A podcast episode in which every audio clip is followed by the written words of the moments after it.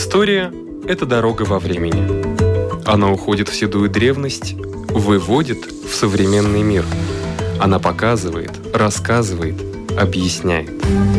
И не перестает удивлять. Живая история.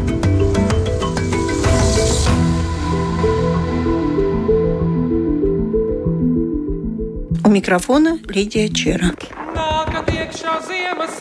kaladā, kaladā, nākat iekšā Ziemassvētki, kaladā, kaladā, sen mēs jūsu gaidījām, kaladā, kaladā, sen mēs jūsu gaidījām, kaladā, kaladā, nama māte durvis vēra, kaladā, kaladā, nama māte durvis vēra, kalādā, kalādā. Rokā gaiša uguntiņa, kalādā, kalādā, rokā gaiša uguntiņa, kalādā, kalādā. Pušu guni šķiļu guni, kalādā, kalādā, pušu guni šķiļu guni, kalādā, kalādā. Nav vairs goda istabā, kalādā, kalādā, nav vairs goda istabā, kalādā, kalādā. Sveši ļaudis sarākuši, kalādā, kalādā, sveši ļaudis sarākuši, kalādā, kalādā. Tie auguņa nezināja, kalādā, kalādā, tie auguņa nezināja, kalādā, kalādā. Nu tētiņi Ziemassvētki, kalādā, kalādā, nu tētiņi Ziemassvētki, kalādā, kalādā sēsties galda galiņā, ikaladā, kaladā, sēsties galda galiņā, ikaladā, kaladā. Dod kalpami kalpatiesu, kaladā, kaladā, dod kalpami kalpatiesu, kaladā, kaladā.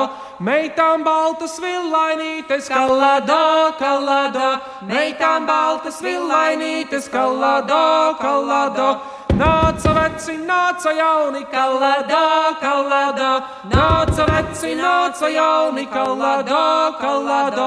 Ziemassvētku vakarā, kalādā, kalādā, Ziemassvētku vakarā, kalādā, kalādā.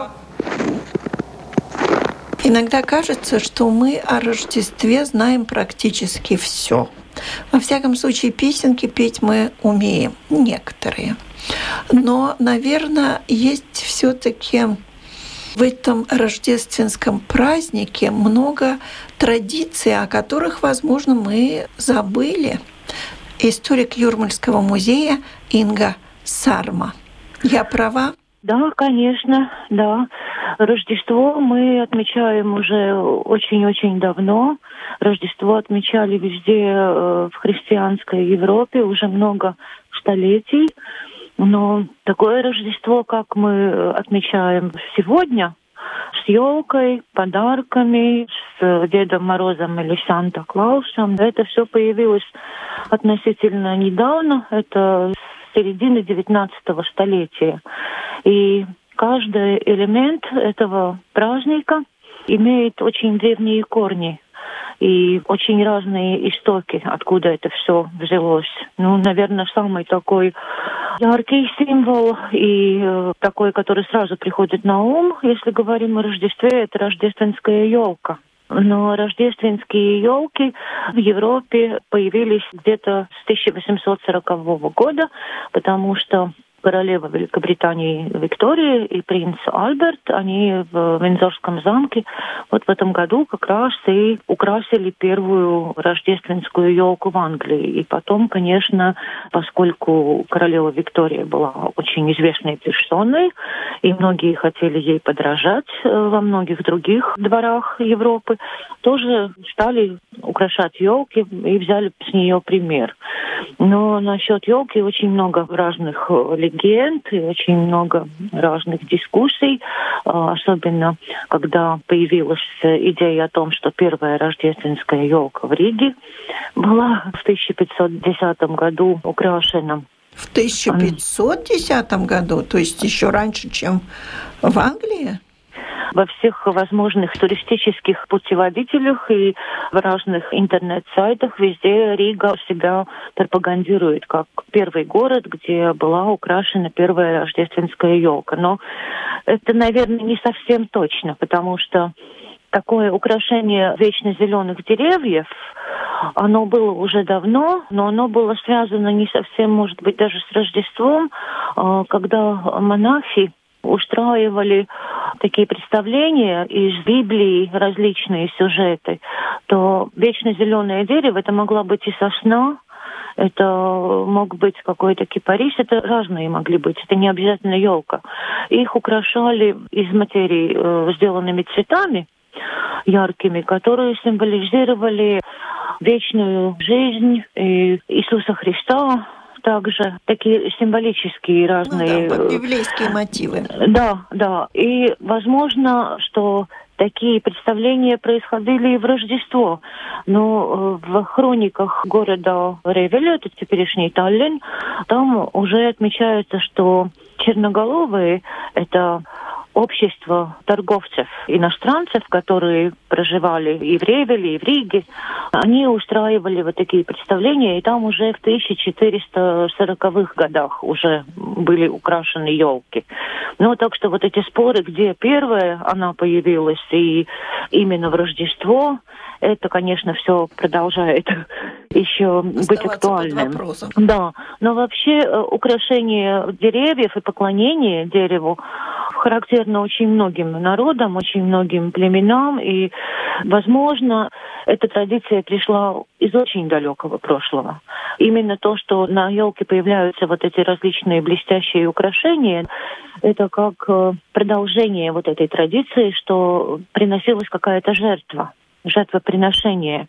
Дереву, у дерева выпрашивали какую-то милость, удачу, благоволение, и вот э, на дерево нужно было что-то повесить. Да. И раньше вообще было характерно, что в Латвии и во многих других э, местах, что на елочку вешали яблоки, печенье, пипаркулкас, mm. такие...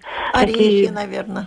Да, и блестящие украшения это уже появилось намного позже. Но был случай, что в Америке, в Соединенных Штатах, в Пенсильвании еще в 30-х годах 19-го столетия один муниципалитет, который хотел украсить елку на городской площади, им пришлось э, очень долго дискутировать с местной церковью, потому что именно это были эмигранты э, немцы, которые хотели поставить там елку. А церковь церковь считала, что это вот какое-то язычество, и не следует этого делать. Так что совсем недалекое прошлое. Ну и потом знаменитый э, Санта-Клаус. Вообще это э, действительно э, историческая личность. Это был епископ, он был из теперешней территории Египта, получается, христианский епископ Николай и он был известен своей такой благодетельностью. Он очень много занимался благотворительной деятельностью, одаривал бедных и заботился о вдовах, о сиротах. И он приносил подарки им, их обычно оставлял так, чтобы никто не знал, кто это сделал. И вот оттуда вроде бы как бы пошла вот эта традиция дарить подарки, и что подарки приносит Санта-Клаус. Класть под елку. Да, чтобы не но... было понятно, кто это подарил.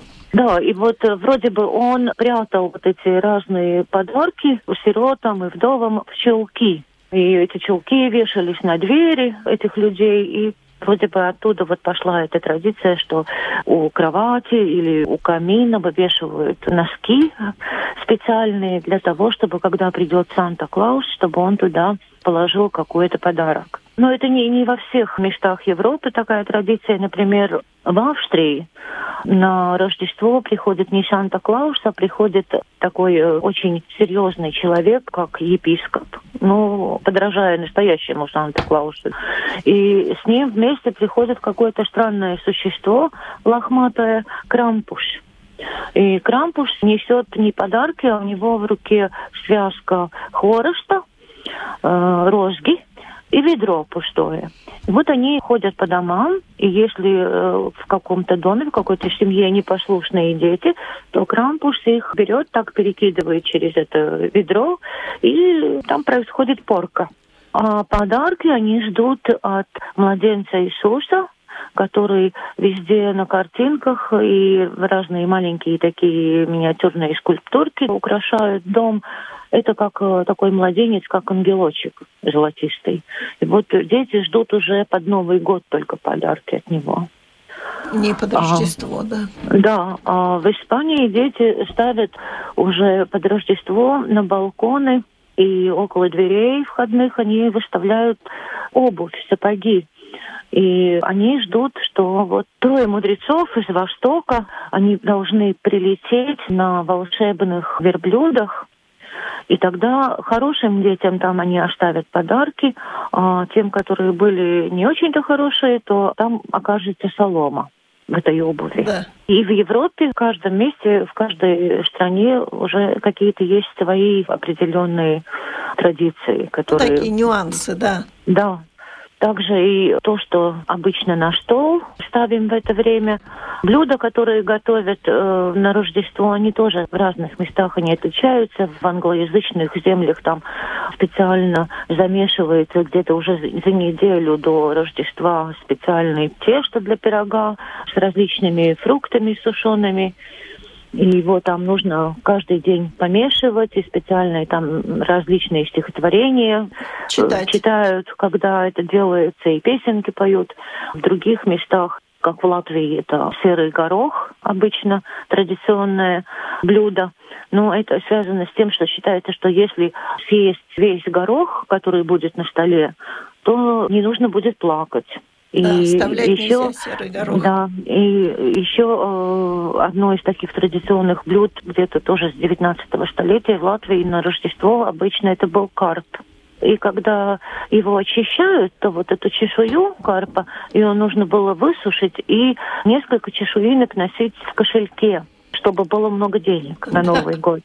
Но вот еще с елками связанная в Англии до 19 столетия была традиция не елку приносить в дом, а приносить э, в дом различные вечно зеленые растения, которыми украшали весь дом, делали гирлянды, их вывешивали везде, делали венки из этих э, растений.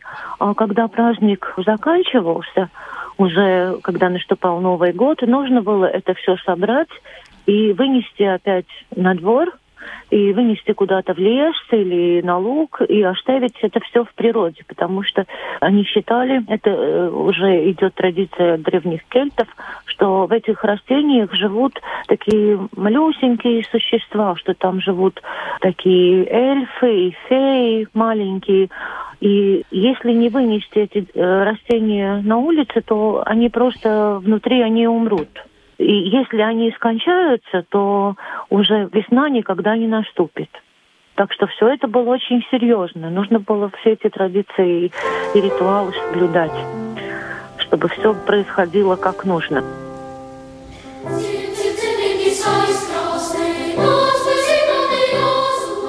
Oh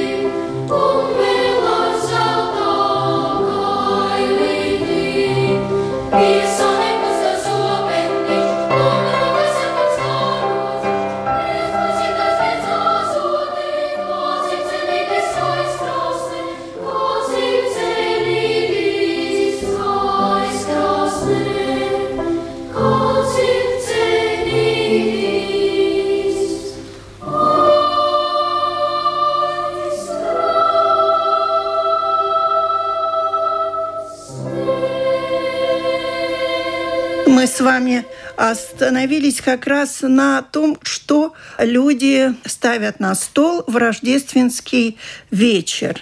Это вот в англоязычных пирог с курагой. Да. И мы ставим серый горох, чтобы слез не было, карп.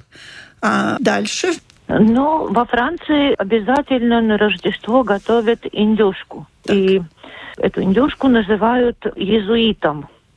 Почему? Потому что э, в 16 столетии индюков привезли из Америки монахи ордена иезуитов. И вот этого индюка рождественского его приготавливают с особенной начинкой. И для начинки нужен фарш, нужен изюм, каштаны и специальная такая смесь разных специй. И это все до того, как эта начинка попадает э, в индюка, это все еще размачивается в коньяке. И вот потом только его ставят в духовку. Так что такое очень изысканное блюдо. А еще очень многие народы Европы готовят особенный такой десерт. Это бисквит, печенье, которое готовится в форме полена. Почему? И так называется рождественское полено. Оно может быть из бисквита, может быть из марципана. Эта традиция исходит из древней Скандинавии, где это называется юлог. Это именно так и есть рождественское полено. Это натурально действительно было полено, которым или в костер кидали, или в камин, или в печь. До этого обычно или орошалось оно вином, или пивом, или каким-то другим напитком. И считалось, что это тоже как жертва приношения для того, чтобы обеспечить дому и семье благоденствие на, на целый год. Но оно съедалось же, да? Это да. полено. Да, да, да, оно сжигалось, да. Сжигалось, то есть не съедалось, а сжигалось? Съедобное печенье съедалось, а настоящее вот это полено его использовали для того, чтобы его сжечь. Понятно. Ну, еще интересная традиция, которая еще кое-где в Англии сохранилась, это называется васселинг. Это э, пение таких особенных песен. Это традиция не кельтская, а это традиция саксонская – и это вашселинг произошло из саксонского вашхейл, э, что значит «будь здоров». Здравствуй, будь здоров. И люди в поселках, э, в деревнях, они ходили из дома в дом, напевали вот эти песенки «Here we come, Vasseling», «Мы пришли тебя приветствовать» и пожелать здравия. И тогда э, хозяева дома их угощали особенными такими пирожками, начиненными фруктами, и преподносили большое блюдо, которое пускали по кругу, или большую чашу, которая была наполнена горячим напитком. Это был или яблочный сидр, с различными специями, мускатным орехом, корицей, сахаром, медом.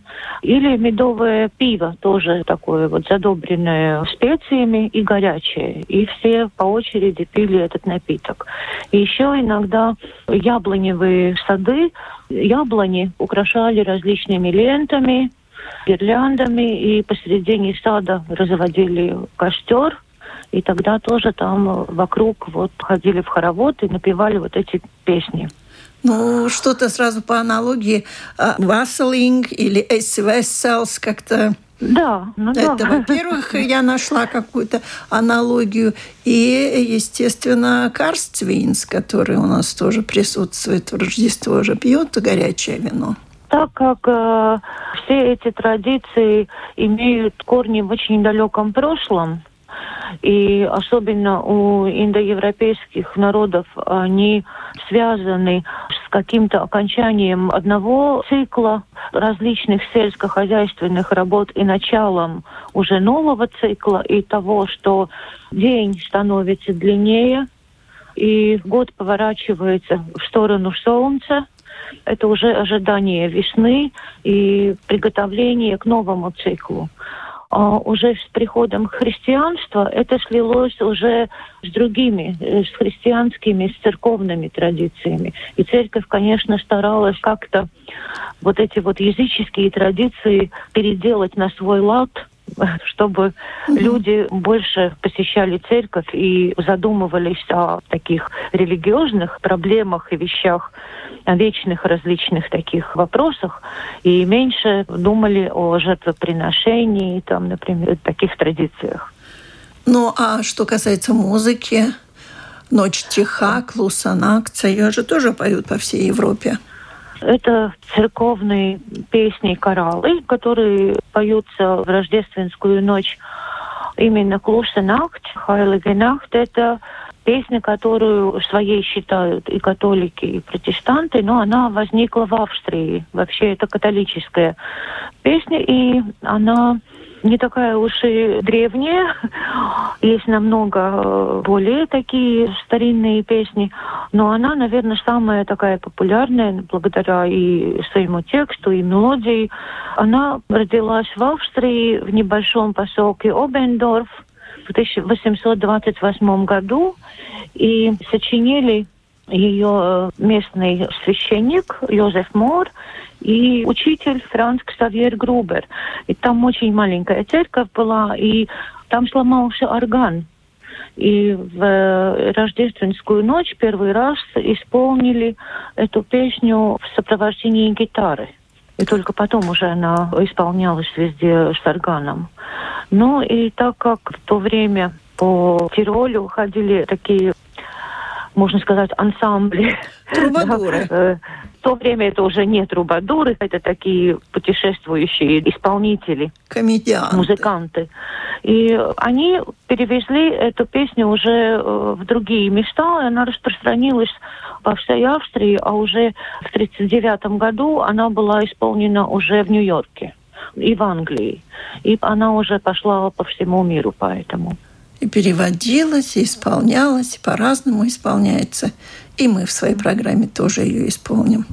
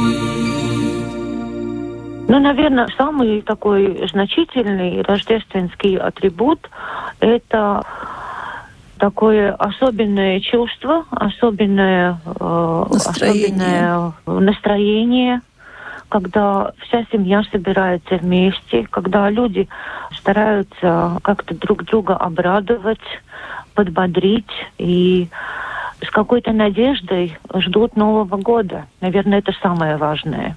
Не елка там и не какое-то особенное блюдо, а вот именно то, чтобы быть вместе, чтобы никто не, не чувствовал себя одиноким, и не в дорогих подарках, конечно, счастье, а в том, что люди дарят друг другу любовь. У нашего микрофона была историк Юрмальского музея Инга Сарма.